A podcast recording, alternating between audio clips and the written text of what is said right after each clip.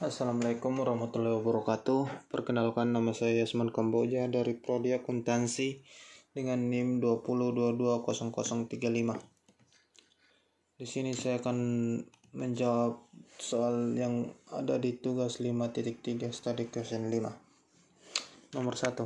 Apa yang disebut aplikasi pembunuh untuk internet? Aplikasi pembunuh adalah perangkat lunak aplikasi yang sangat berguna sehingga orang akan membeli perangkat keras hanya untuk menjalankannya. Aplikasi pembunuh pada PC adalah Spreadset. Nomor 2. Periksa kecepatan koneksi internet Anda dengan mengunjungi situs situs web berikut Spreadset Spreadtest.net. Berapa kecepatan dan kecepatan unduh dan unggah Anda? Untuk kecepatan unduh saya sendiri yaitu 30.9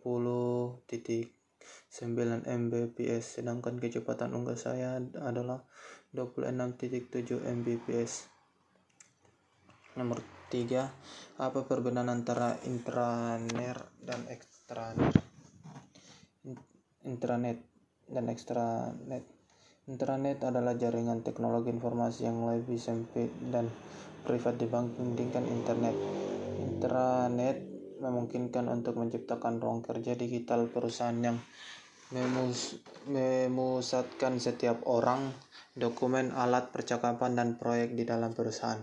Sedangkan extranet adalah internet yang dapat diakses oleh beberapa orang di luar perusahaan atau mungkin dibagikan oleh lebih dari satu organisasi.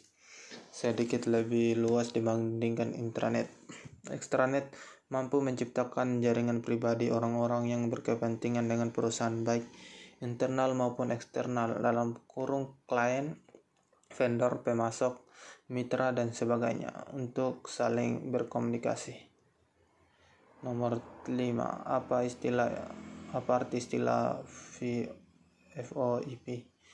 Voice over Internet Protocol juga disebut VoIP. IP te teleponi Internet teleponi atau digital phone adalah teknologi yang memungkinkan percakapan suara jarak jauh melalui media internet. Data suara diubah menjadi kode digital dan dialirkan melalui jaringan yang mengirim paket-paket data dan bukan lewat sirkuit analog telepon biasa. Definisi VoIP adalah suara yang dikirim melalui protokol internet dalam kurung IP